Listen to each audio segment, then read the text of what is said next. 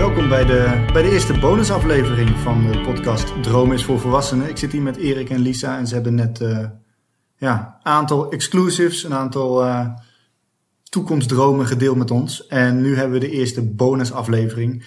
En in deze aflevering heb ik gasten uit de podcast die eerder te gast waren gevraagd of dat zij vragen hebben aan Erik en Lisa. Dat zit in de gouden envelop. Dus zij zullen ja, vijf loodjes eigenlijk eruit gaan trekken. Dus ik ben benieuwd, wat wordt, uh, Spannend. Ja, ja, ja. wat wordt de eerste vraag? Ja, ik pak nu dus uh, die gouden envelop. En dan ga ik er gewoon eentje uithalen. Even kijken hoor. Nummer 21. Hallo, Marco hier. Um, wat ik me afvroeg eigenlijk bij het bereiken van dromen. Um, heb je ooit een, eigenlijk een andere droom moeten laten gaan om je ene droom te bereiken? Wil jij de rest van de vragen van eerdere gasten horen en de antwoorden van Erik en Lisa op deze vragen? Meld je dan aan als vriend van de show via de link in de show notes.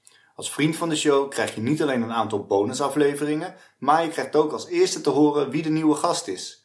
En er is meer bonusmateriaal beschikbaar om je nog meer te inspireren om je dromen te bereiken. Voor slechts de prijs van een kopje koffie per maand heb jij elke maand toegang tot al dit bonusmateriaal.